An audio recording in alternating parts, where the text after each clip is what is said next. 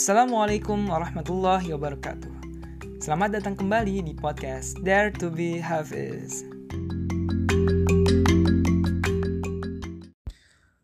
أعوذ بالله من الشيطان الرجيم يا أيها الذين آمنوا لا تتخذوا بطانة من دونكم لا يألونكم خبالا ودوا ما عنتم قد بدت البغضاء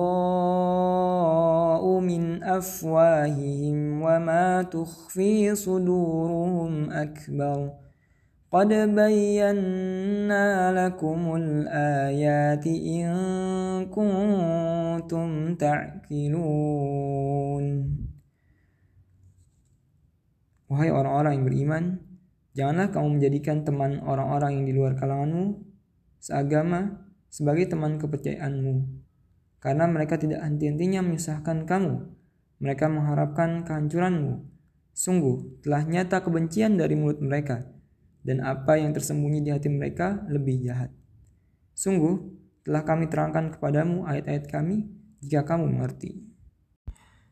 Ya, yang ke-13 itu ada di surah Ali Imran di ayat ke-118. Ini larangan agar kita nggak menjadikan uh, mengambil teman, mengambil sahabat itu dari orang-orang yang di luar agama. karena mereka tuh punya potensi keburukan yang Allah sebutkan di sini dan bahkan lebih seremnya lagi dikatakan bahwasannya apa yang tersembunyi dari di hati mereka itu lebih jahat dibandingkan apa yang bisa aja uh, kebencian yang terlontar dari mulut mereka. Kayak ini wanti-wanti juga buat kita.